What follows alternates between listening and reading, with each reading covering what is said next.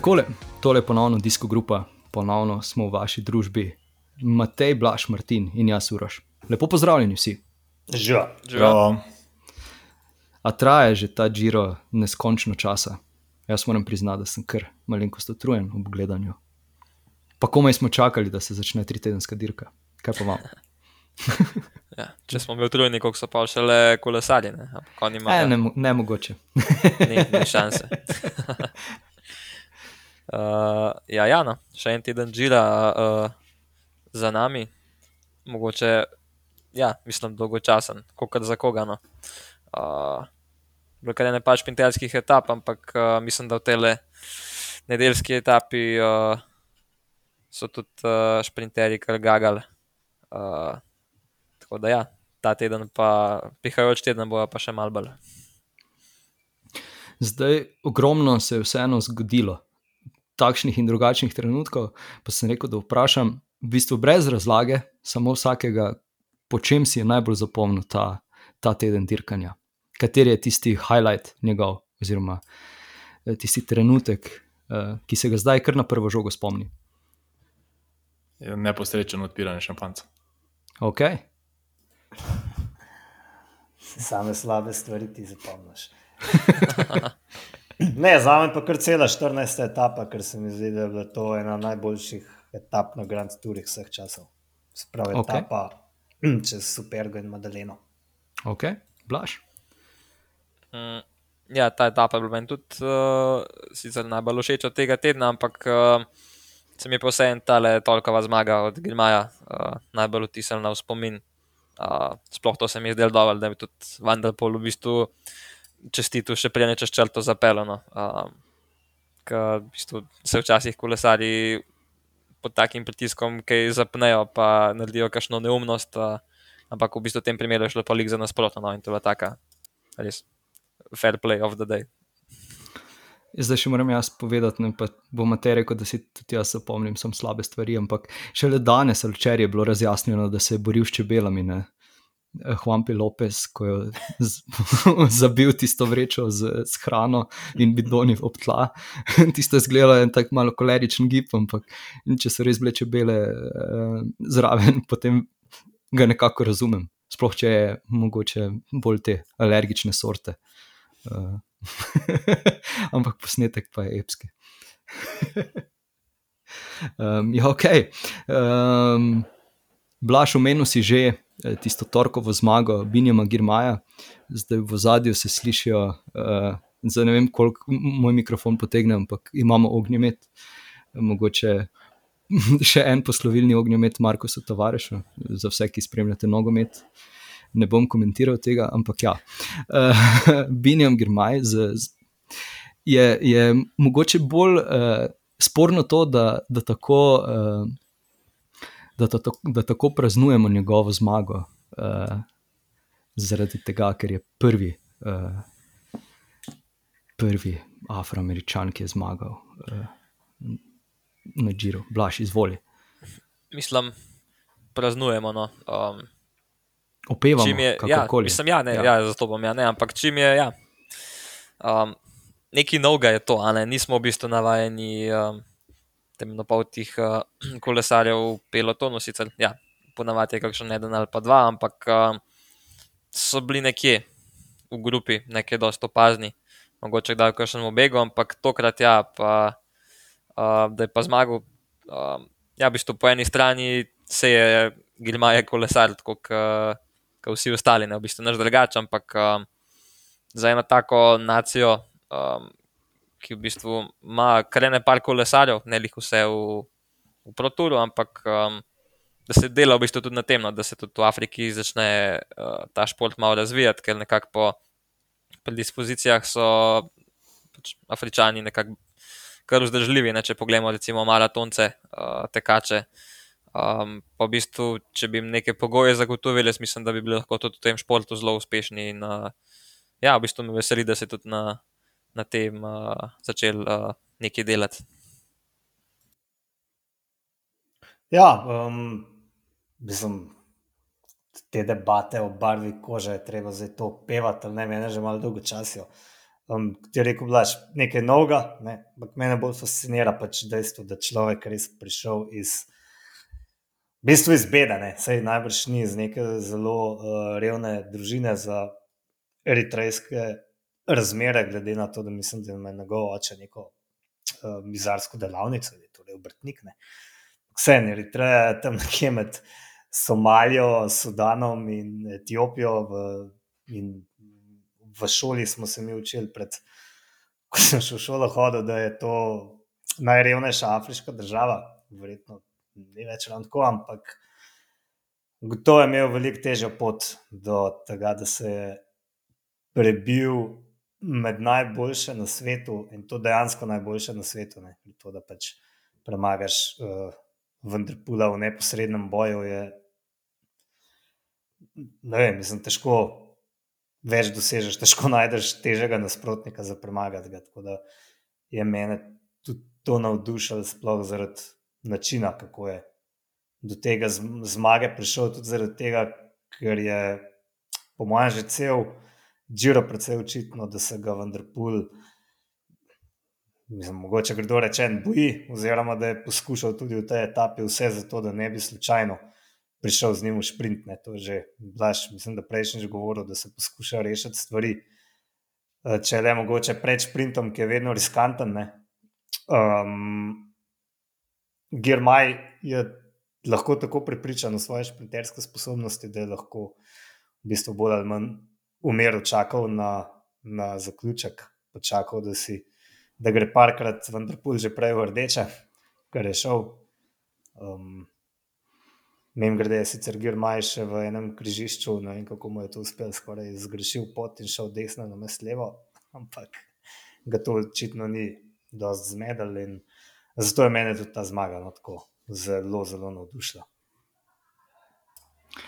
Um, ja, tako kot si že rekel, eh, tisti zgrešen vinek, pa vse, ampak na koncu um, pa odstop, oziroma ni, mo ni mogel štartati naslednje, naslednje etape.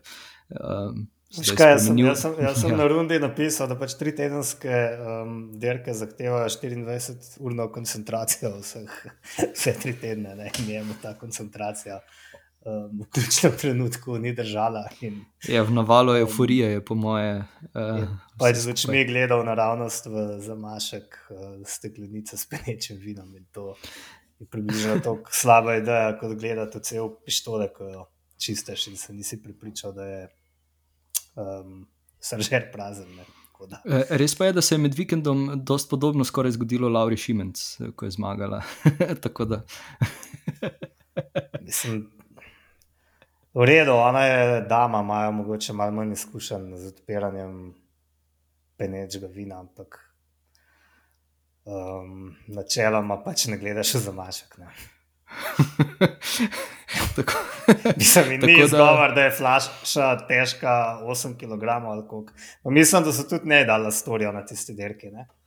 E, tega ne bom zdaj stoprocentno trdil, ampak ja. Um, torej, ja, uh, praznovanje ni dolgo trajalo, hitro je moral zaviti v bolnico, vse skupaj uh, ja, smo, smo so spremljali mediji, uh, naslednji dan pa žal ni bilo štarta z njegove strani. Zdaj, kar bi jaz mogoče še tukaj samo dodal, je, da, da so se vseeno uh, zraven v sprintu udarili tudi tisti, ki so se borili za generalno razvrstitev. Richard Karpas na petem mestu, pa takrat še Roman Brde na sedmem, Pelju Bilbao na osmem, pa žal Mejda na desetem. Tako da uh, je šlo kar, uh, kar na nož tisto dirkanje. Ja, dokaj, dokaj majhna skupina je prišla, v bistvu, tam mislim, nekje 25 kolesarjev in nekako logično je, da so tu zraven, predvsem tisti, ki bodo v generalnem najvišje, zato pa še par sekund, konc koncev bonifikacije na cilju. Spomnimo se samo Džira, mogoče leta 2020, ko so dejansko na koncu bonifikacijske sekunde odločale. Um, tudi letos je to še možno, zato vsaka sekunda pride prav. Na koncu so se sicer um, te bonifikacijske sekunde razdelile med druge kolesarje in ti pretendenti za generalno niso bili zraven, ampak vseeno, tu spet neko um, poskus, poskus nekih razlik, ki pa seveda na rečemo temu takšnem zaključku, uh, vse je nekoliko težje, da pride do njih. Je pa treba še izpostaviti tu v bistvu um, Girmajev lead out. To je v bistvu moj najmanjši lead out, uh, kar smo jih videli v zadnjih letih. Uh, Dominiko Podsovivo je v bistvu prav kar dobro delo in v bistvu Girmajev, mislim, da je sam rekel v enem intervjuju, da bi kar mal presenečen, ko je par kilometrov pred ciljem rekel Podsovivo, da se naj postavi za njega in bo ta skupaj skupi oddelala ta sprint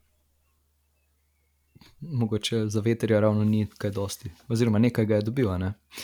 uh, ja, ok, potem, je, potem se je zgodila ta uh, sredina, enajsta etapa, kjer smo vsi veselo ribali parmezan, uh, se mastili z njim uh, in gledali uh, 200 km ravnine. Se ni bilo pa treba zelo dolgo ribati, ker, ja. ker, ker je bila to res hitra etapa, imel sem srečo veter v hrbet. Poprečna hitrost 47 km/h. Ne vem, sem danes nekje prebral samo nekaj naslov, da je bilo težko tudi piti v tej grupi. Um, na koncu je nekaj govorili o uh, so spremenili smer, da bo zapihalo od strani, bilo je kar dosti nervoze, pa na koncu nič od tega. Ampak ne vem, se ti dejansko gledal to etapo vseh 203 km, ker jaz sem si privoščil samo zadnje pa urce. No. Ja, sir sem si ribo v usta, pa ne se ne. Ja. Uh, pogledal sem si teh te zadnjih uh, 15 km uh, in potem bil presenečen nad zmago Alberta Dajneze.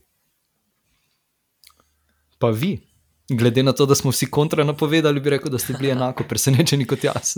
ja, mislim, da ste, ste so bili tudi tisti najbolj strokovni napovedovalci uh, presenečeni. Sej pelo se je, mislim, že prejšnje etape se je pelo tam okoli deseterice, oziroma v deseterici, no, ampak um, lih zmage, pa mislim, da tudi on ni pričakovan. Um, tukaj je v bistvu res izkoristil, da je bil dobro postavljen, plus še to, da se mu je lih v ta pravi moment, se mu je v bistvu res pot odprla, tako kot je Matej uporabil eno zelo dobro metaforo, pa sem te že pozabil, ko si že rekel. Kot rdeče morje pred Izraelci. Ne? Tako je, taka. Uh, Lahko to pobegneš iz Egipta. Ne? Tako, tako je. Uh, in, ja, ampak ne glede na to, no, da je imel srečo, da se mu je odprl, če sem jim mogel pač predpisati še malo več kot vsi ostali, da je prišel prvi čez črto. In, uh, ja, jo, največja zmaga za en v karieri. Um, tako da, ja, no, mogoče uh, bomo no, o njemu no. še kaj slišali. Tudi tu je treba omeniti eh, presenetljivega lidata, to je bil pa tokrat Roman Brde, ki ga je pripeljal uh, skozi zadnji vink. Sprav Roman Brde, takrat je bil kaj na drugem mestu, na, ne na četrtem mestu, ampak pri vrhu, ne, v skupni razvrstitvi. Pomagaš sprinterju, ne, um, ne vem, kje je bil takrat, kje je zbolj, um, ampak zdaj ga tudi ni več v, v nadirki, ker je odšel domov. Um, Kakorkoli, no, ja, presenetljiv zmagovalec, ampak uh, tudi, je bila, tudi je zdaj že mečka razredčena, no, ta skupina šprinterjev, Kevin je še izgubil Morkova, zaradi tega ima kar on kot kakršen tip šprinterja nekaj več težav, ki je le pivanje. Mislim, da po tej etapi ne, potem dejansko odšel domov, priznal, Tako da ima je. zelo slabe noge in so se že začel mečkam sprašvati to so čiste špekulacije, ni mogoče njegov trening za te kratke klance, kot so vem, na Milano San Remo, kjer je poskušal zmagati, ali pa do tega uh, gradu v Višegradu, kjer je bil tudi blizu, ali to mogoče kaj vplivalo na njegove te gole, šprinterske, eh, ekskluzivne sposobnosti. Um, Ker mu pač res ni šlo, ne? res mu ni šlo. In se bo zdaj očitno pripravljal na turne. Ja, bomo videli, kaj se bo zgodilo z njim, definitivno. Um, ja, Blaž, izvoli, kaj bi dodal. Um, ja, pa kar je bilo v tej etapi meni še uh, zanimivo, zdaj upam, da nisem zamišljen, ampak mislim, da je bilo to v tej etapi, um, da je v bistvu Karapaz tako um, z levo nogo v bistvu pobral tri bonifikacijske sekunde. In Ja, no, meni se zdi zanimivo, da eni kolesarji za generalno še zmeraj malo tako z levo roko jemljajo te um, bonifikacijske sekunde, ne, ker vemo, videli smo že doskrat, da na koncu lahko res vsaka sekunda šteje in če lahko tako le z lahkoto nekaj pobereš, ne, zakaj pa v bistvu ne bi. Ne. Sej, zelo velika možnost je to na koncu ne bo odločala, ampak uh, kaj, pa, kaj pa če ne. In v bistvu tukaj kar pas tri sekunde v bistvu pobral brez nekega hudega truda. Ja, tudi v bistvu dve sekunde, pa takoj za njim, že na ta Narvajas in spet to nekako takoj, brez bitke, rečemo temu, te tri sekunde, na vides ne veliko, ampak tudi za manj so se dirke dobivale, tudi trotedenske. In se mi zdi, kot si samo omenil, res zanimivo, da vsaj, vsaj malo nekega truda, ker pa mislim, da je že skupno nabral kar pas kar neki kar neki bonifikacijski sekund na ta način. Ja, jaz se pa ravno danes sprašval, jaz se seveda strinjam, ne, boljše imeti več prednosti kot malo prednosti, je to pametno misel, enkrat roglič celo izjavo se mi zdi, ampak s tem se seveda moramo strinjati, ampak na koncu pa vse to, ne, se pravi, neke te prednosti vplivajo tudi na dinamiko dirkanja pozneje in z tega vidika mogoče ni nujno, da so dve sekundi, res dve sekundi, če potem pride do ne vem, uh, nekega načina dirkanja, ko to dejansko potem nič več ne pomeni. Hočem reči, da ni nujno, da so tisti dve sekundi dejansko vredni. Dve sekundi, ne, um, vsekakor prav pridata. In, ja, tudi jaz se sprašujem, zakaj se bolj ne trudijo za to. Um, Včasih je prav smešno, no, ker um, kot da bi se malo posmehovali organizatorju, ki se trudijo, bi se mu pestrili derko, potem pa ne, noben več ne naredi in se pele, da je tako na umen izpadeno. Mogoče bi morali biti vrednejše bonifikacije, veš, da si predstavljaš, da dobiš pa 20 sekund, ne? Si predstavljaš to? Pol bi gledal 200 km kriterij. Ja, tako ne, zakaj pa ne? Potem pa ja. imaš pestro derko brez ja, to, ne. nekih dolg časa. Ne? Jaz mislim, da, jaz, mislim, da, eh, jaz mislim, da smo ravno kar dobili uh, ime epizode, koliko sekund je dve sekundi. to, to, to, to, to, to. Martin, izvoli. ne, mislim, če zdaj sem šel malo pogledat, če te podatke na PCS dejansko držijo, je Karapas v bistvu dobil 14 sekund v vseh etapah, Jay Hinley 17, za razliko recimo od Lande, ki pa še ni dobil niti ene bonifikacijske sekunde.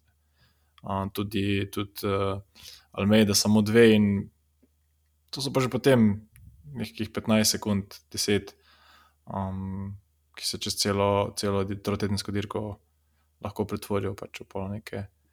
Več kot samo te dve sekunde, no, ki jih omenjamo. Ja, to si pa dobro povedal. Ne. Ampak spet imaš pa potem, ne vem, Jay Hindley ima 17, Karapas pa 14, pa sta spet praktično poravnana. Ne. Za ja, se pa strinjam, pač nekje London ima pa nič, ne. zaostaja pa koliko skupno se še. Minut. Minuta, ne. Ja, Ja, ampak eh, tukaj, prosti, ki te prekinjam, eh, tukaj se gre pa za to, da Hindley je velik del bonifikacij pobral na takrat, ko je zmagal uh, etapo. Ne, takrat, so, takrat, so, ja, takrat so pač vsi šprintali, ne, kle se je šlo pa za to, da v bistvu v tisti situaciji je bil Ineos pač na vetru in v bistvu sta se Narvajes pa še eden, Ineosa sta se v bistvu samo kar opazil, omakala, da je dvakrat malo hitreje obrnil padala, pa se je v bistvu prepel. To je v bistvu res podaljena uh, sekunda. Zdaj, ok, drugače bi bilo, če bi on zaradi teh treh sekund v bistvu že v tej etapi, recimo, primer, uh, prevzel za majico in pol naslednji etapi in vas pač mogel narekovati tempo cel dan. To ne bi imelo interesa, ampak v bistvu, če pa odmislimo, to je pa ja, pač podaljena prednost, ta besedna. Ampak ja, bomo videli na koncu, koliko uh, koliko se bo to poznalo. Ja, želel, želel sem reči ravno to, da, da sicer malenkost prehitevam, ampak eh, vseeno eh, vprašanje, kaj se bo zgodilo do konca, zaradi tega, ker se eh, fantje, ki so se borili, oziroma se borijo za generalno razvrstitev, kar en za drugim odstopajo. Um, Dobro, zdaj moramo gledati na to, kot da ne bojo. Ne. ja, Ne, res so odveč špekulacije. ne, ker- Ja, ampak špekuliramo vsak dan, ko špekuliramo, kdo bo zmagal. Ja, dobro. ampak Če pač človek čez noč zboli in smo ga napovedali, potem Bog pomaga. Ne, ne vem, jaz vedno gledam na to, kot da bo vse v redu do konca. Če ne, se lahko, če ne lahko do smrti špekuliramo. Ne, kaj pa če- Definitivno. Definitivno. Blaž.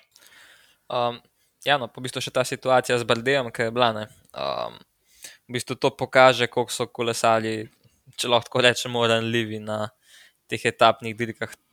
To v bistvu se lahko zgodi čisto vsakem kolesarju. Lahko se zgodi to tudi Pogačarju, tudi Rogliču, en dan uh, pred Parizom uh, na neki gorski etapi, pa tudi če ima 10 minut prednosti. V bistvu, koliko te neka taka stvar lahko potovče, ne? tako da v bistvu nobenega nekega uspeha ali pa neke prednosti ne moremo imeti za samo dnevno. In kolesarjem je to jasen, mogoče pa uh, nam navijačem včasih ni čisto, koliko je v bistvu še eni drugih zadev, ki vplivajo zraven, ki te lahko pač čisto potovčejo in na koncu lahko zelo hitro ostaneš brez vsega. Točno Ja, to. tudi glede teh bonifikacijskih sekund sem jaz hotel reči, da nikjer ni rečeno, da ni šlo pri tem, da so Karapazu pripustili bonifikacijske sekunde za čist preprosto šalabajzarijo, da je nekdo na nekaj pozabil. Ne. Ja. Razumeš, kaj hočem reči? Da so pač, Ja, ja, a ja, oj, oj, oj, Benti, aha, um, ja, doč, kaj čemo ne. Ja, no, sej, enkrat je pa tudi že bilo, da je v bistvu bila ista situacija, ampak ne, sploh niso opazili tega letečega cilja in sta, ne vem, sta Sivako pa Narvajes, mislim, da sta pred njemu pobrala 3 pa 2 sekunde, ne, kar pa pa eno na mestu, da bi lahko v bistvu 3 pobral. Ne. Točno to, v eni od Ja, ja. etap ne, so pa to neumnost naredili in to uh, ekipa, ki da vse na marginal gains. Ne. To je. Se pravi, ja, če so oni še labajzari, Se lahko tudi so ostane. lahko tudi ostali še toliko bolj. Kvečemo še večja. Jaz sem ta prvi, ki bi na to pozabil, če bi bil DS, ne vem, grede. Absolutno. Blažka, pa ti. Um, ja, veš, kako je, ponavadi um, za te letiče cilje pač povemo na sestanku, ampak um, navadno je taktika, da se jih ne zaganja zdaj za vsako ceno um, za tiste evre. Čeprav, ja, v bistvu zadnjič, ko smo bili pa v Italiji, je bilo pa v bistvu to vse, kar smo odnesli domov, ampak je bilo pa to 150 evrov, kar pa tudi, tudi ni beta. Ne? Ja. Za burger je bilo. Ja, bilo bilo. Odlično. Uh, ok, uh, 12. etapa od Parme do Dženove. Stefano Oldani, zmagovalec. Prišel je z Lorencem Roto v cilj.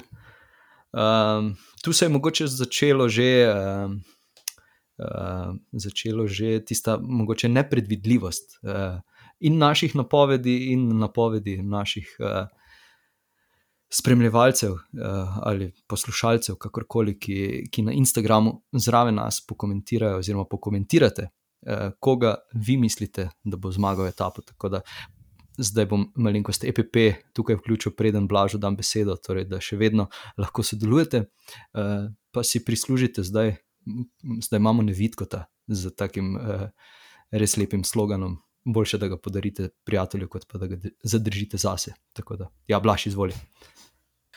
Um, ja, v tej etapi se je zgodil un klasičen uh, sindrom favorita, ki je potem v bistvu njegov uh, ekipni kolega uh, to izkoristil in v bistvu zmagal etapo. ne. Um, v bistvu v Beku je šlo 22 kolesarjev, um, ampak vsak izmed njih je praktično gledal samo Vanderpola. Um, predvsem njega so pazili, ne, to so pa v bistvu pol izkoristili uh, v svoj prid uh, v ekipi. Ka, mislim, da zraven poleg uh, Vanderpola je bil še uh, Rizbek. Ja, tako je. Uh, tako da se lahko se malo špila z različnimi situacijami, pa v primeru, da pač pride grupa, bo pa pač Vanderpol zraven.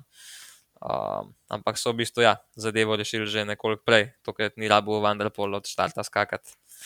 Um, in uh, ja, v bistvu, ker je bilo tukaj na koncu, da se je tale kolesar Jumbo Vizme, uh, katerega prijemka se sploh ne bom trudil izgovoriti, uh, je pač vedel, da v sprintu ima zelo malo šans in je probo se odpeljati že malo prej, ampak tistega pospeška ni bilo, oziroma ga je imel, ampak sta imela ostala dva, uh, ravno to, da sta ga še parjela. Uh, v sprintu je bil pač oddani tukaj najmočnejši. Je pa zanimivo, da v bistvu izmed teh treh kolesarjev ni noben še dosegel profesionalne zmage. Uh, tako da mislim, da, da je bila želja kar velika. Um, me pa zelo, um, v bistvu, mislim, presenetil. Zelo všeč mi je bil ta intervju po dirki z Lorencem Roto. Um, ki je sicer do Danja uh, zelo dober prijatelj, ampak je v bistvu v tem intervjuju niti ni bil tako razočaran, čeprav je bil v bistvu na pragu svoje največje zmage v karieri, ampak um, v bistvu je tako vse skupaj dosti milno prenesel. Ne? In sem pa v bistvu razmišljal o tem, kakšna je to mentaliteta, da v bistvu na vsako etapo, ki štartaš, ne smeš pričakovati v bistvu nič. In vse, kar, kar pol dosežeš, je uspeha. Ne? In tek, v tem primeru pač nisi razočaran, um, ampak hkrati da še zmeraj vse od sebe. Če rata, rata, če ne, pač bojo drugi dnevi. In, uh, v bistvu, tako, tako razmišljanje mi je, mi je kar všeč, ker tudi takoj po etapi v bistvu ni kazal nekega razočaranja, čeprav je bil pač drugi. Um, Tako da ja, je pa pokazal neko, neko dobro formo, da mogoče lahko da je drugič rata. Ja, se je v bistvu ta miselnost pride v poštev. Oziroma, um, lahko pri takih kolesarjih, kot smo jih spremljali tu, omenili si, da so pravzaprav vsi trije se borili za svojo prvo zmago uh, takšnega ranga. In v tem primeru si v bistvu samo vesel, da si lahko uh, v zaključku topa sploh zraven. Zagotovo je tudi pri njem bilo nekoliko grenkega priokusa um, ker si vseeno po teh 200 km tako blizu, pa hkrati tako daleč. Ampak ja, greš naprej. Um, ni to neka katastrofa, kot jo lahko največji favorit recimo, doživi, ko, ko izgubi v sprintu ali, ali kaj podobnega. Um, tako da, ja, po drugi strani, um, pa si ne gre beliti glave za nekaj, kar se je že zgodilo. Um, to je več, sploh na trotedenski dirki, je to zelo pomembno, kot te čaka naslednja, že nova, že nova etapa greš naprej, lahko poskušaš ponovno, vidiš, da si v relativno dobri formi in ja, to je edini pravi pristop. Je pa to težko, verjetno, za neke favorite, oziroma za tiste, ki so na tedenski dirki pod um, vsojo žarometov, tisti si pa nekoliko tež, teže pač privoščijo to, rečemo, temu lahkotno miselnost, v, zmi, v smislu, da pač ni pritiska in gredo, gredo naprej. Kar se tiče same etape, večkrat govorimo tu v sredini drugega tedna, pa zdaj, ko bomo stopili v tretji teden, bo verjetno to še bolj izrazito. Ko pride takšne etape, v narekovajih povedamo, si vzame uh, glavnina oziroma tisti favoriti za končno razvrstitev nekoliko bolj uh, lahkoten tempo in potem pride do takšnega velikega bega, idealno v njem ni nikogar, ki bi bil nevaren. In se ti potem udarijo, in že kar kmalo tudi na tej etapi bilo jasno, da bo pač Beko uspel, da se bo udaril, vendar pol je bil v bistvu v odličnem položaju, nekako prvi favorit spet. Um, imel je še dva ekipna kolega, to smo že prej omenili, in to je neka taka precej velika prednost, hkrati pa tudi neka odgovornost, če še treba nekaj na tej etapi tudi narediti. Um, videli smo pač, da so se lotili na nekoliko drugačen način in se jim je splačalo to, to, za moje pojme, to je še nek dokaz, da v bistvu res ekipa ali predvsem Phoenixa ni samo Vendrpol ali pa ni samo Merlje, Philipsen, ampak imajo tudi ostale kolesarje, ki se dokazujejo in mm, mislim, da je ta ekipa kar lepo, lepo napredovala v zadnjih letih in da bo tudi potem, ko bo del te najmočnejše elitne družščine. Bomo videli še kar veliko od nje, tudi, v primeru, da pač vendar pol slučajno kdaj to ekipo zapusti, mislim, da se nimajo česa bati. Ja, zdaj, kar bi jaz tukaj še mogoče dodal, jaz sem to, eh, pa ponavljam se iz podcasta v podcast, ampak vseeno, eh, intermarše, v bistvu zelo dobro dirka, zelo aktivno dirka. Eh, človek bi si mislil, ok, po tisti eh, deseti etapi, eh, je bila to deseta, eh, ja, eh, kjer so izgubili. Eh, kjer so izgubili uh, Binjama Girmaja, da bodo dlje časa rabili, da se sestavijo skupaj, ampak vseeno, uh, v bistvu dalje, na rekovajih, rečemo, harajo. No? Uh, ste podobnega mnenja, se strinjate, se ne strinjate, uh, sem vsekal mimo.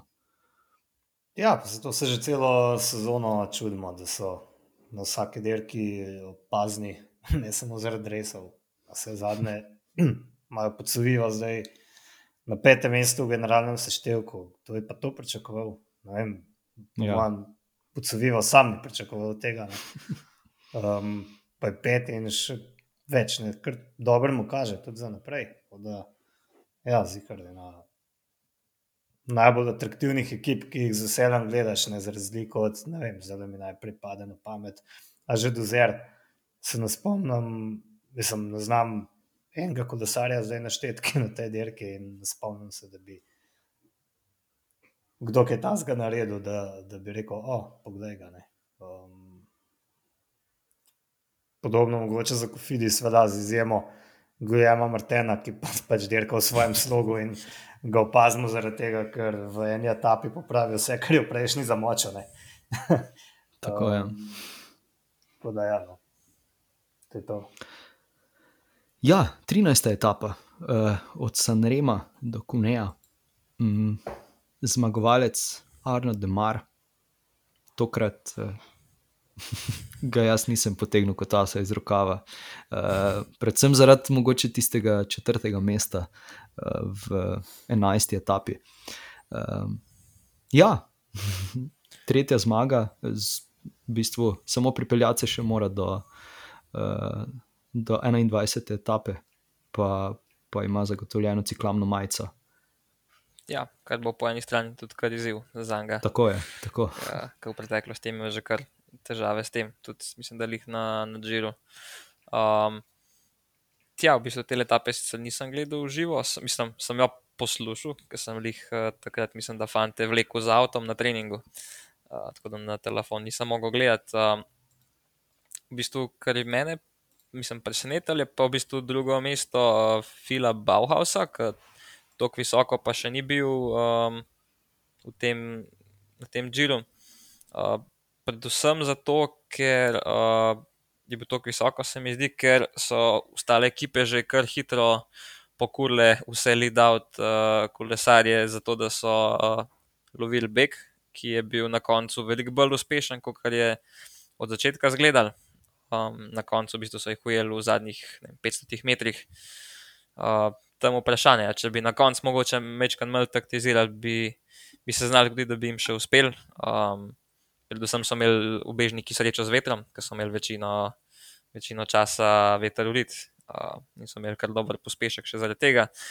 Tako da je v bistvu šprinterskim ekipam že kar tekla voda v grlo in so v bistvu po tistih uh, pomočnikih so pol začeli kurt, v bistvu še vse lida od mene, drugega za drugim.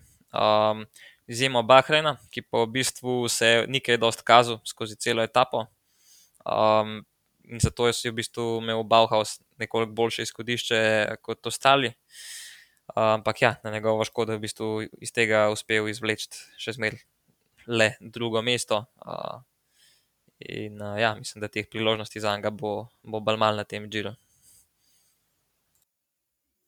Ja, v bistvu je priložnost samo še v 18. etapi, ne, kjer pa se spet lahko zgodi, da bo imela glavnina kar težave ujet. Um, ubežnike. Ne?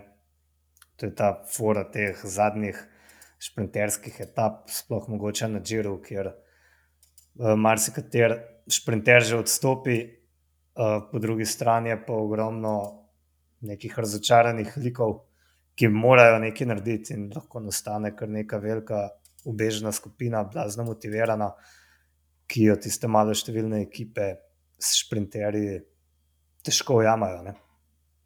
Tako da jaz tudi za, za 18. etapo nisem posem pripričan, da bo šlo do šprinta, glede na to, da sem imel že v 13.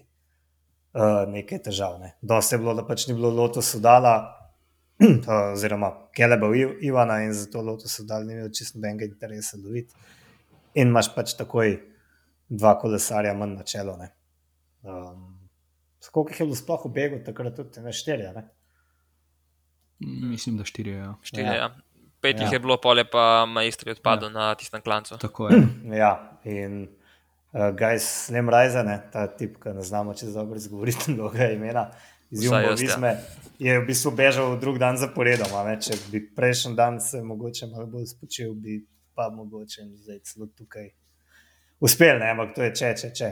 Pač, zdi, da je dost uh, neverjetno, da je bil dva dni zaporedoma v boju za zmago, ne? kot obežnik. Ja, mogoče pa eh, izvoli, blaš, izvoli, da ne grem prehitro naprej. Uh, ja, v bistvu uh, izpostavil bi še uh, Alpes in Phoenix, um, ki v bistvu nekako v top 10 se v teh sprintih kar uvršča, tokrat v bistvu vse z dvema kolesarjama, tudi na sedmem mestu so imeli Debonta, pa potem še tudi Bajer na desetem mestu.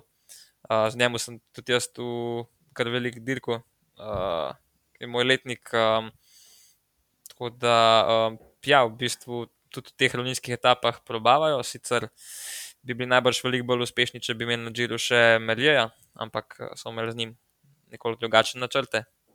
Uh, tako da bo najbrž pa v prvi postavi za drugačne. Ja, tako je. Ja. Se glavna težava je, da je imel poškodovan komovc, ne ni bilo kakšnih drugih načrtov. Zaradi... A ja, to je bilo, aha, ok, na to mi je, to mi je prišlo iz glave. Da, da. Zaradi komovca ni šel, ima pa zdaj ja, on drugačne plane. Ja. Mislim. To so rekli, da je bil pomoč. No, ja. um, ja, zdaj, um, Matej, za tebe vem, da si bolj na tekočem s temi stvarmi. Torej, že na turu bodo dirkali pod novim imenom Alpecin, The König. Ja, ja. ja. Okay. slabo se sliši. Ta dekening, ki tako ne znamo izgovoriti. Nikamor ne Mislim, menjavajo se sam, zmenjavajo se sam firme med uh, ekipami ne, in potem nastane. Med belgijskimi ekipami, ja, tako je. Je to noro, ne. Ker drug let bo pa quick step loto, ne, loto pa postane loto Destiny. Ja, Destiny je napisano z, kako, z požrtimi črkami, kot ja, da bi bili ja. najstniki. Uh, Ampak bomo še videli, kakšna bo njihova usoda ja. uh, prihodne leto, glede na to, da jim gre zelo slabo pri zbiranju točk in lahko izvor tudi izpadejo. Um, ja, torej ekipe doživljajo neke, neke uh, osvežitve. Uh, tudi Simon Yates je v bistvu ni, ni se osvežil, ampak je doživel preporod na 14. etapi. Uh, zdaj,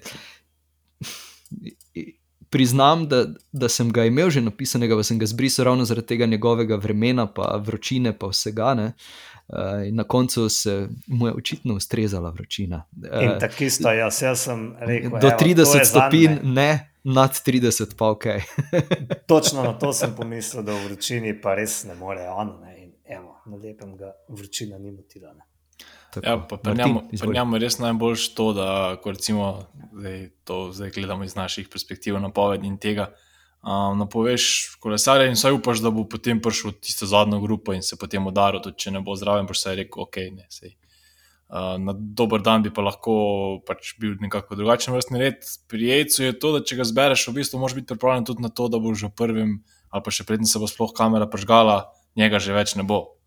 Uh, to se je zgodilo v v par etapah prej, ko sem ga imel jaz napovedan. In tu jaz, predvsem zaradi tega, niti nisem ja, iskreno povedano razmišljal, čeprav ja, omenjam, da profil je pač za njega, um, razlika je bila še kolikor toliko. Um, že že kolikor toliko velika, da tudi na tistih zadnjih dveh usponih, uh, če bi napadel, oziroma ko je napadel, niso, niso rabili takoj odreagirati.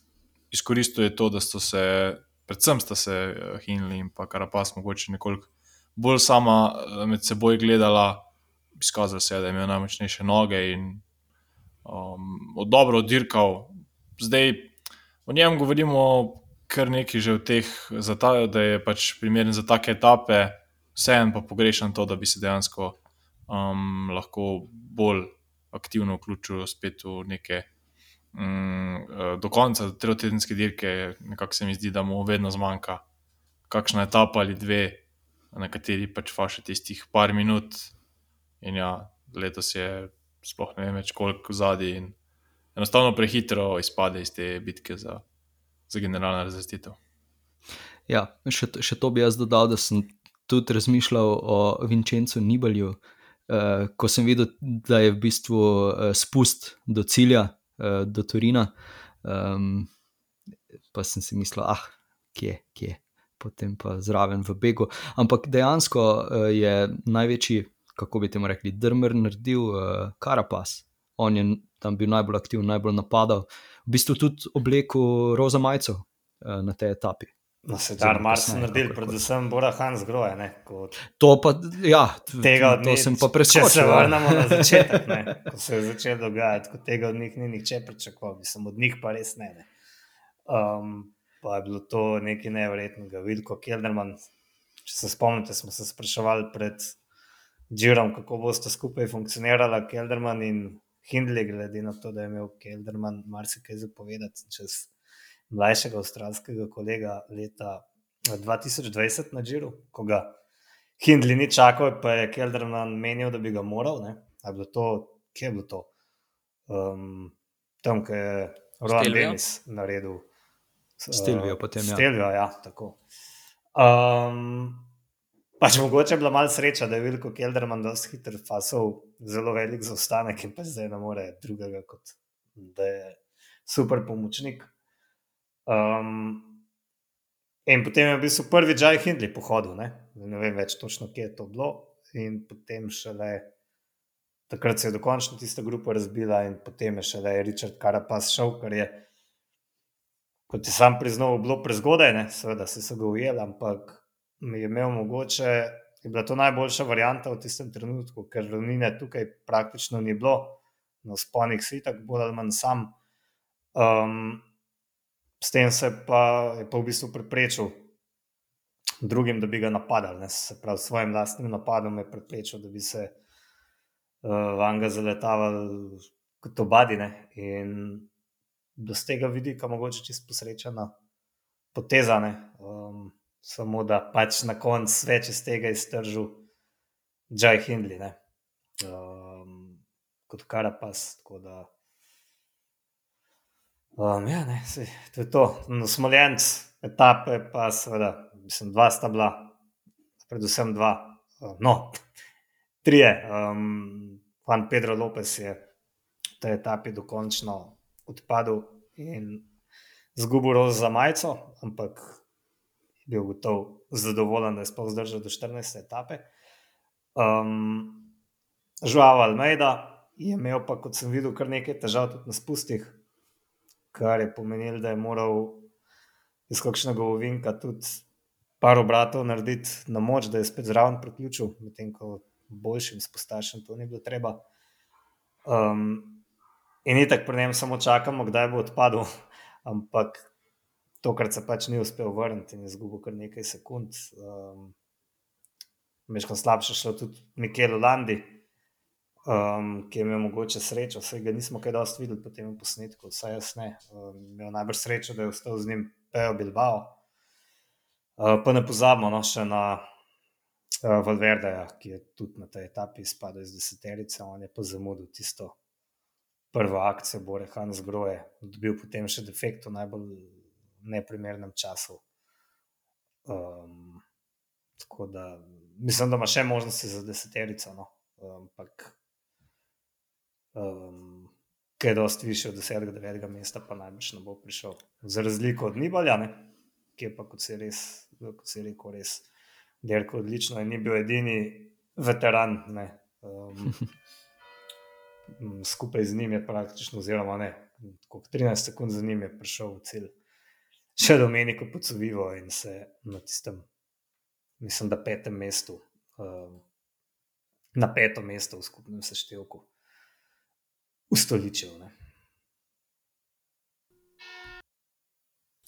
Uh, ja, no, mene je tukaj v bistvu Almeida zelo razočaral, ker nekako je bil moj favorit, uh, tihi, uh, ampak niso bili to klanci problem, kot je bil spust, um, ker je zgledal res nesiguren. Se je ok, spust je bil res zelo hinavski, oziroma spusti.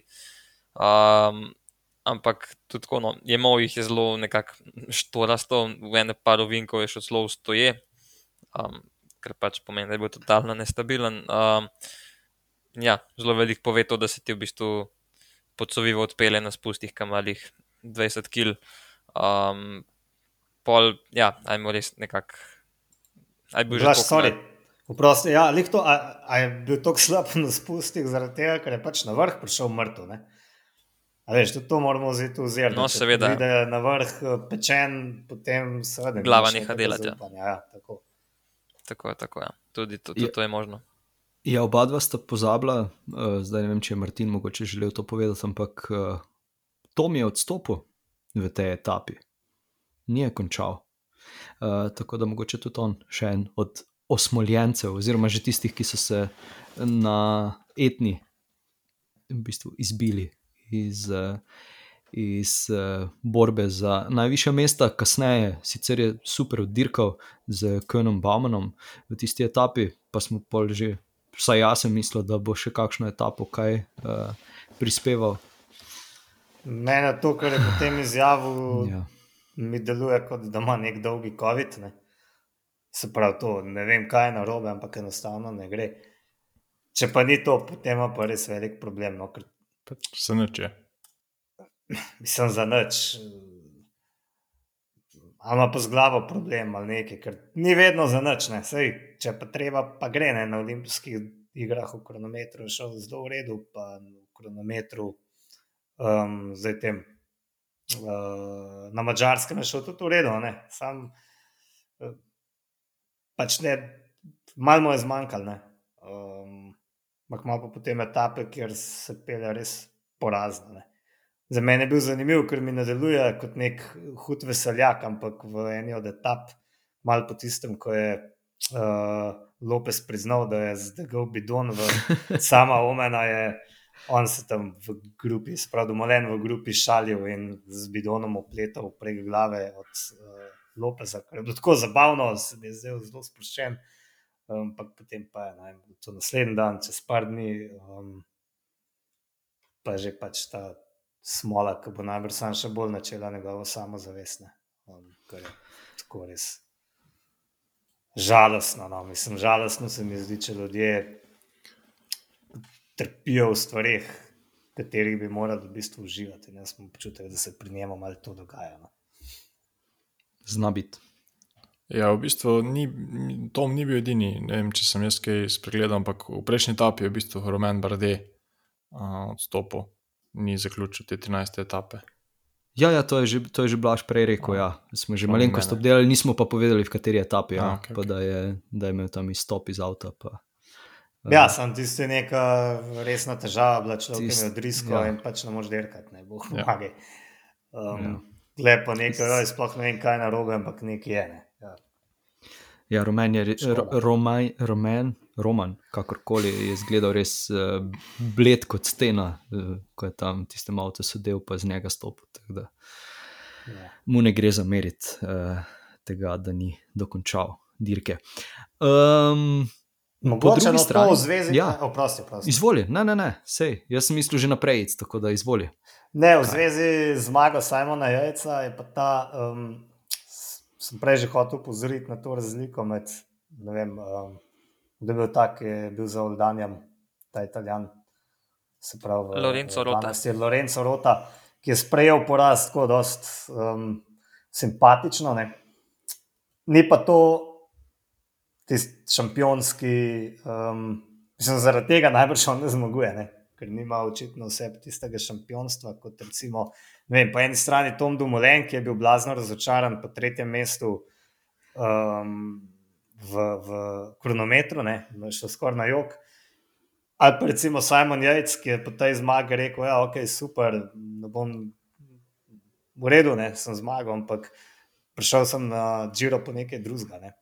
Um, ampak to ni kritika Lorenza Rotene, Um, to je samo ta razlika mogoče med šampioni eh, in med vsemi ostalimi, kamor recimo tudi mi so, sodimo. Ne? In moramo, po mojem, te naše dosežke jemati malo bolj v luči tega, kaj zmoremo in biti zadovoljni tudi s čim manjšim, ne se povedno zgledovati po teh, tem vrhu, pri vrhu, ne? ki jih pač ne moremo doseči, ker smo vseeno. Bog pomaga v tem, kar počnemo, običajno poprečni, ne? in da pridemo na desno stran Gausove krivulje. Um, ja, vse to se če strinjam. Uh, ampak eh, jaz sem bolj mislil v tem smislu, ne, da je isto kolesarstvo šport, kjer ponavadi zgubiš. Oziroma, ponavadi greš razočaran uh, z kakšne dirke, oziroma ni to rezultat, ki si ga želel. Če pogledamo na PCS rezultate od kjerkoli kolesarja, z, rezultati, z večino rezultatov ta kolesar pač ni bil zadovoljen.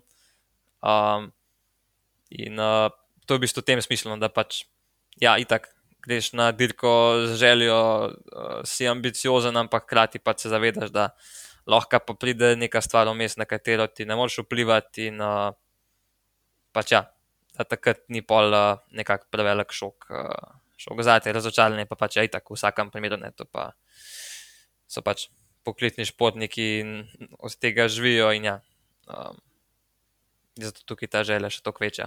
Veš, na koncu je vprašanje, kdo bo prišel bolj razočaran domov. Ne? To Simon je z, z dvema najmanj etapnima zmagama in eh, tem, da ni izpolnil svojega cilja, ali nek Lorenzo Rota, ne? Ki je bil na vse zadnje odličen, drugi v etapi, pa tega nikoli ni pričakoval. Čest možno je, ja, da bo Rota to. bolj zadovoljen. Ne? Točno to. No, da zdaj nadaljujem mojo misel. Definitivno bo uh, zadovoljen, oziroma je vse popravil tis uh, Giulio Čikone.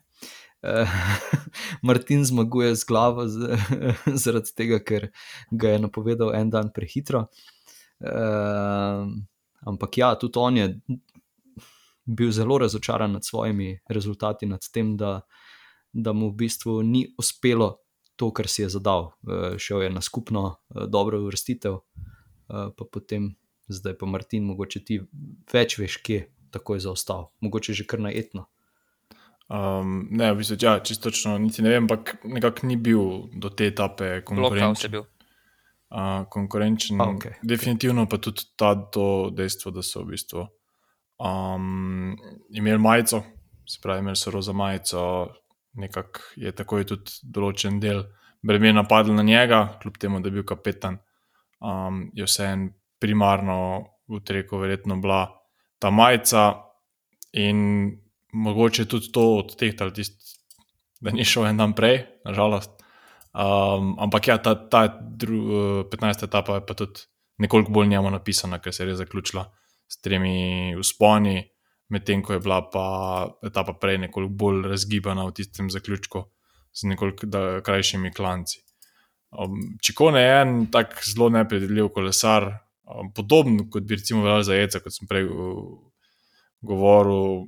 Manjka mu te konsistentnosti, um, da bi bil čez vse tri tedne um, nekako uh, uspel držati stik z najboljšimi, vedno nas pa navduši z kakšno takšno akcijo, kot nas je m, tokrat, um, v bistvu precej prepričljivo, um, dobil to etapo. Tako da, ja, to so kolesari, ki, ki so lahko rečemo vrhunski, oziroma dosegajo dobre rezultate, enostavno pač niso pa kolesari, ki bi bili uh, precej nevarni za, za generalno razvestitev.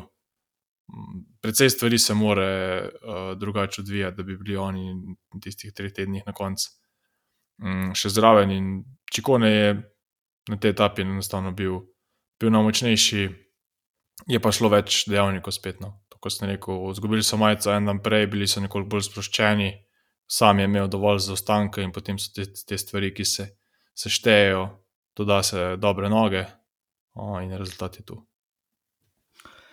Ja, Hugh Carty, tudi morda presenečenje, četrto mesto na tej etapi, kljub temu, da je tri minute uh, in deset skoraj da zaostal za Julijem Čikonem. Odvisno, koga vprašaš. Uh, ampak tudi, ja, tudi, ja, definitivno. Vi kan få et med. Uh, uh, ja. Um, zanimivo, zanimivo, da je uspel vseeno Giulio Čekone nabrati uh, takšno prednost do konca, uh, da so vsi ostali toliko popustili. Ne vem, mene je presenečalo to, da je pač dejansko lahko rečemo iz, ne iz kilometra v kilometr, ampak iz pol kilometra v pol kilometr uh, nabiral po pet, skoraj deset sekund um, do vrha tistega klanca. Ja, videti je bilo, kot da bi to zmagal z lahkoto. Ne?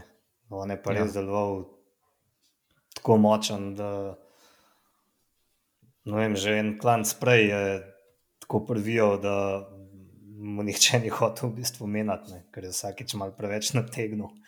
Uh, s takim človekom se voziti v grupi je res naporno, ne? vsak, kakšen ga ta zga pozna. Ampak tam je bilo predvsej očitno, da, uh, da je res toliko močnejše, da je to noro. Ampak bom pa rekel, za razliko od jajca, ki že je zmagal en uh, Grand Tour in se je na več Grand Tourih v bistvu tako kar nekaj časa boril za zmago. Pa Giulio Čekone, po mojem, tega nima osebno. Da bi bilo najbrž boljše, če bi se sprijaznil s tem. Um, s čimer se tudi bavke molema, da je verjetno bolj zdravo za psiho in na vse zadnje tudi za rezultate, če se posvetiš um, etapnim zmagam, kot da loviš neka osma, deveta mesta v generalnem seštevku. Um, če so ta tvoj realen dometne. Zato bi tudi, recimo, od Gojama, Gojama Martena. Um, si v bistvu želel, ki, ki je tokrat sicer spet popravil vtis, se vrnil, se mi zdi, v deseterico. Bi si zanj želel tudi, da bi dirkal raje na kakšno etapno zmago, um, kot pa da tam žonglira med 12 in 9 mestom na razne grede. Ja. Zdaj, um, ponovno je čas za mogoče en EPP vložek, uh, ker je Matej tako dobro istočnico dal, da vsak pozna nekoga takega, ki pride na rundo in nažiga v klance in na vse hupserje in vse.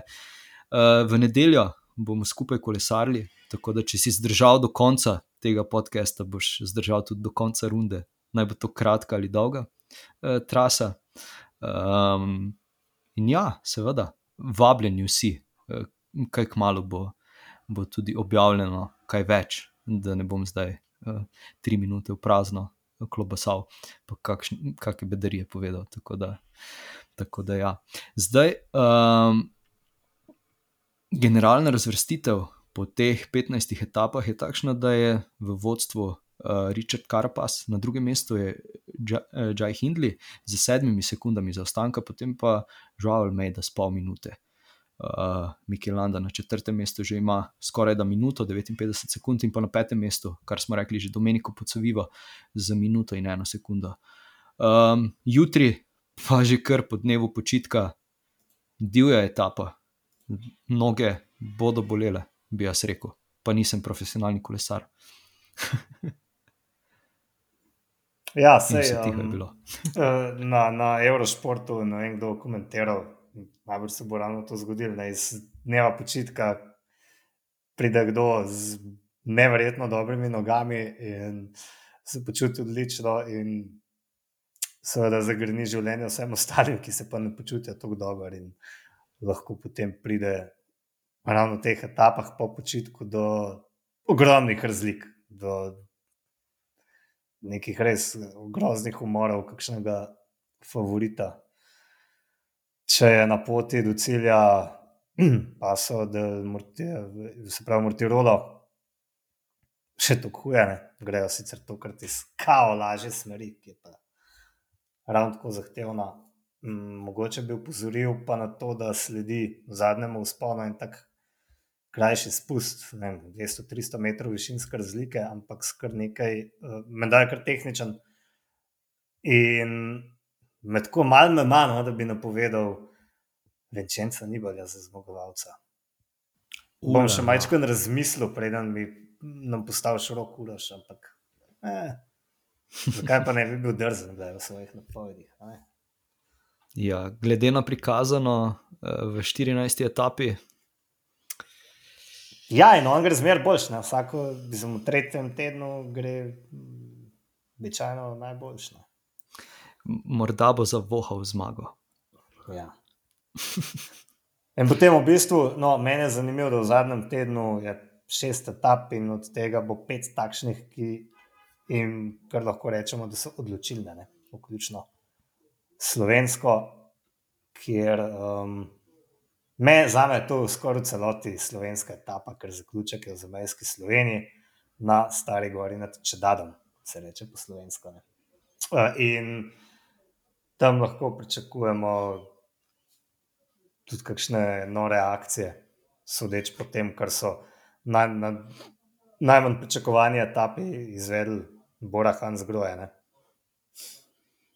A bo šel kdo uživo uh, na ogled te etape? Jaz grem. Wow, ok, blaš. Okay. Uh, jaz sem žal v službi, tako da uh, mi ne bo zneslo. Dnevi dopusta pa so tudi šteti.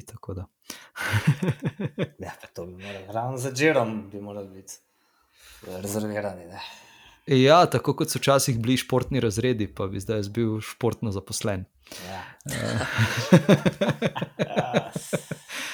um, ja, bi še kaj dodali, uh, smo še kaj pozabili, še kakšna takšna stvar, na katero mogoče nisem jaz opozoril ali pa kdorkoli drug. Jaz mislim, tišina, da je to. tišina naznanja na to, da, da smo uh, bili izčrpni.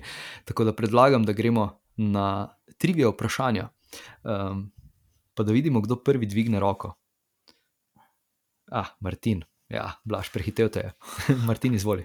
Um, ja, prej sem, glih, pred smo začeli snemati, smo se malo pogovarjali o tem, da zdaj že se mogoče kako vprašanje ponovi, ampak upam, pa mislim, da tole še ni bilo. In sicer, um, zdaj smo vstopili ta zadnji teden, omenili smo slovensko etapo, pa me zanima, kolikrat, um, pa kera leta je v bistvu Giro zavil v Slovenijo.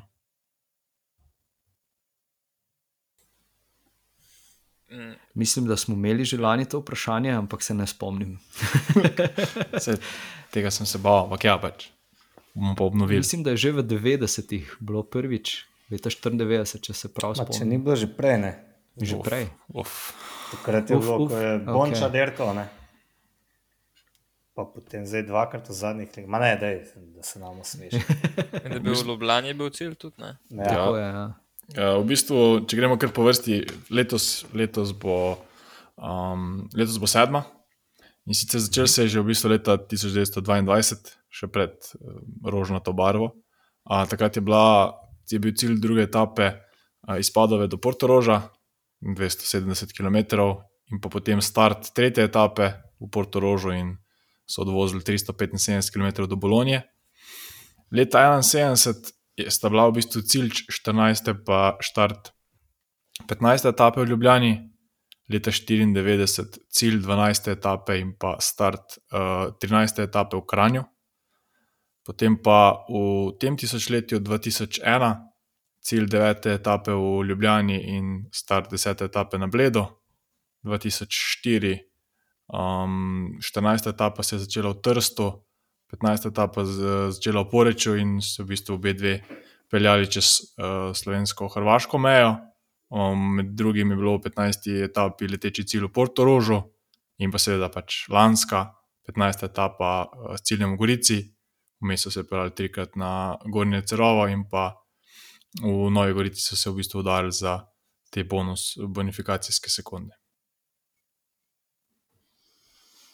Izčrpno, odlično.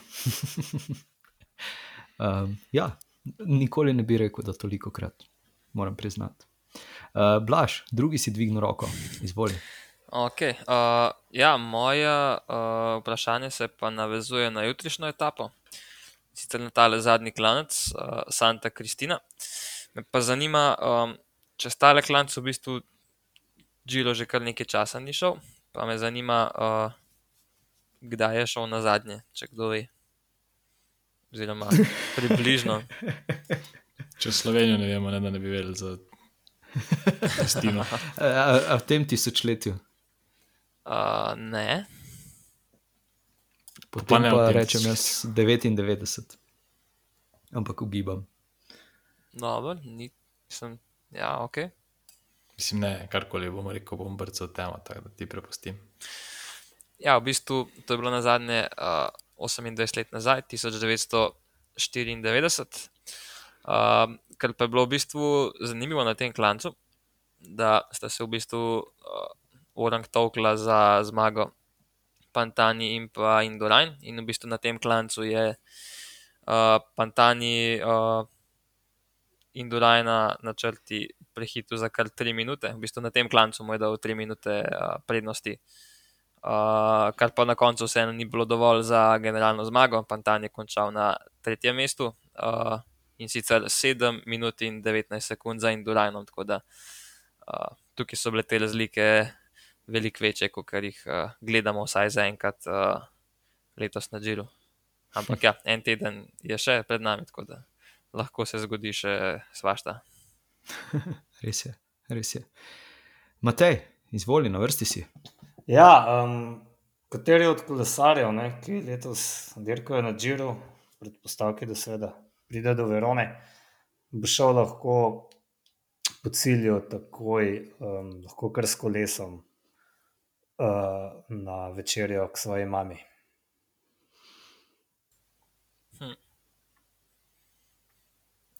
Glede Ja, na to, koliko je italijanov. nekaj. Ne? Nekaj jih je, ampak ne, vem, kakšen, imaš kakšen namik, vsaj.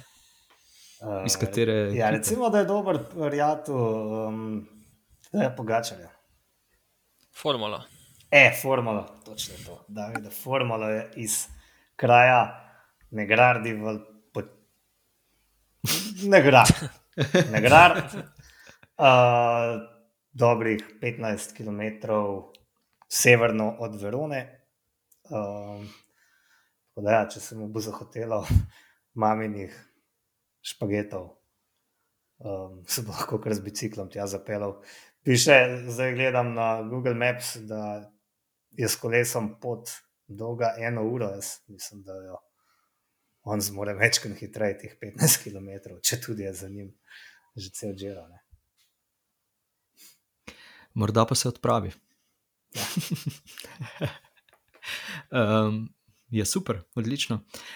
Moja, uh, moje vprašanje se tudi navezuje na, na dirko po Italiji in tokrat na uh, trofejo, oziroma na pokal, ki ga prejme zmagovalec.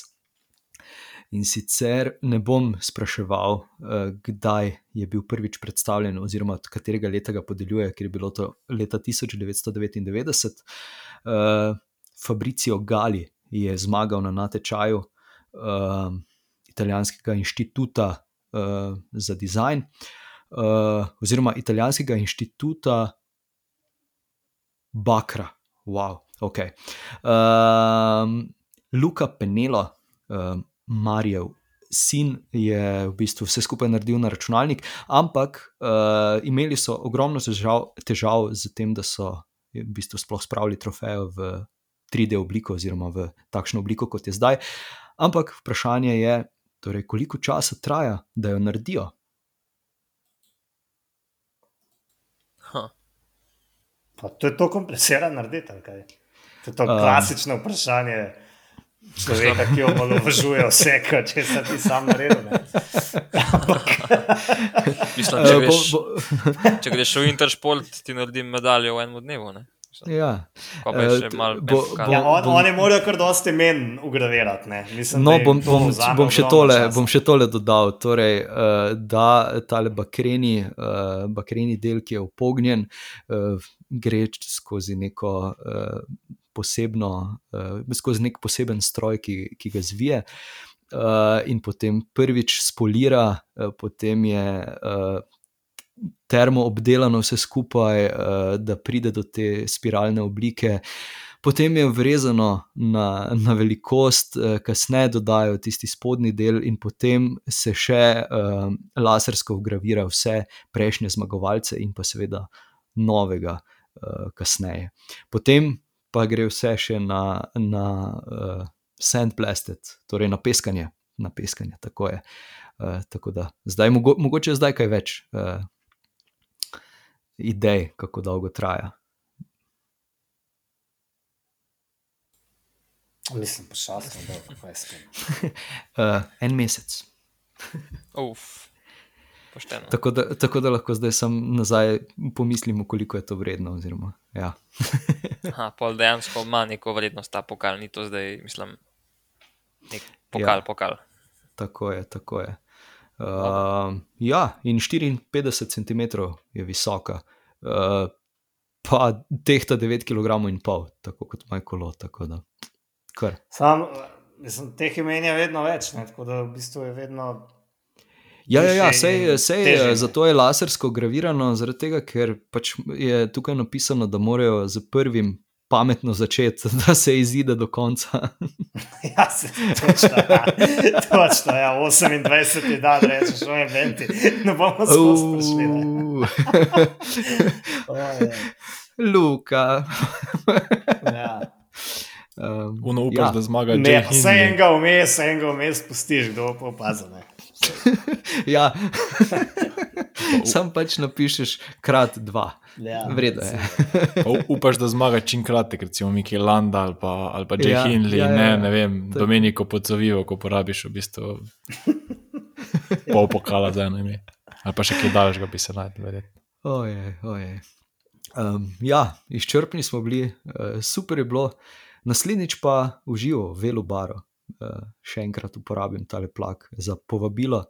Um, tako da, ja, prvo bomo kolesarili, potem si bomo gledali kronometer in potem posneli etapo, če se bo le dalo uh, v tisti gužvi, gneči, uh, ob glasnih uh, pogovorih in trkih piva ali pa kave, kakorkoli. Um, nič, lepo bodite, se vidimo, slišimo. Čau, Dio. Živijo.